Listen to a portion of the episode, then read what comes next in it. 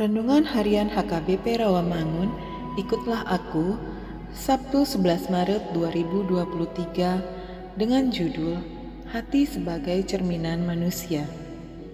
Bacaan kita pada pagi hari ini tertulis dalam Markus pasal 11 ayat 27 sampai 33 dan bacaan kita pada malam hari nanti tertulis dalam 1 Timotius pasal 1 ayat 1 sampai 5 dan kebenaran firman Tuhan yang menjadi ayat renungan kita pada pagi hari ini tertulis dalam Amsal pasal 27 ayat 19 yang berbunyi Seperti air mencerminkan wajah, demikianlah hati manusia mencerminkan manusia itu.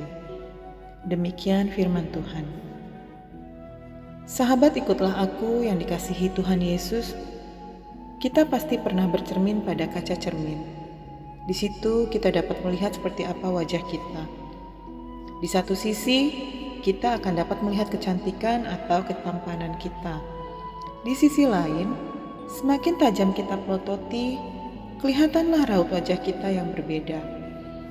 Misalnya kerut wajah, wajah yang berjerawat, atau mungkin juga, jangan terus cemberut ya, bibir yang serasa tebal terbalik. Nah, Terus terbayanglah bagi kita, apakah kita selama ini hemat atau obral bicara, atau bicara serampangan hingga mulut kita serasa busuk berbau, mengumbar banyak dusta dan memecah belah. Itu terjadi kalau kita sungguh-sungguh bercermin. Nah, ada satu lagi cermin lain, yakni cermin air. Lihatlah, bila kita bercermin di permukaan air, maka wajah kita juga akan tampak bagai ukiran. Bila airnya tenang, maka wajah kita pun akan kelihatan tenang.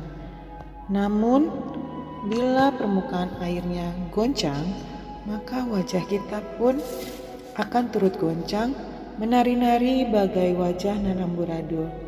Bagai cermin air itu, bila kita terbiasa tak dapat hidup dengan tenang, maka wajah kita pun akan amburadul bergoyang-goyang kita hanya dapat melihat wajah yang baik setelah permukaan airnya tenang kembali.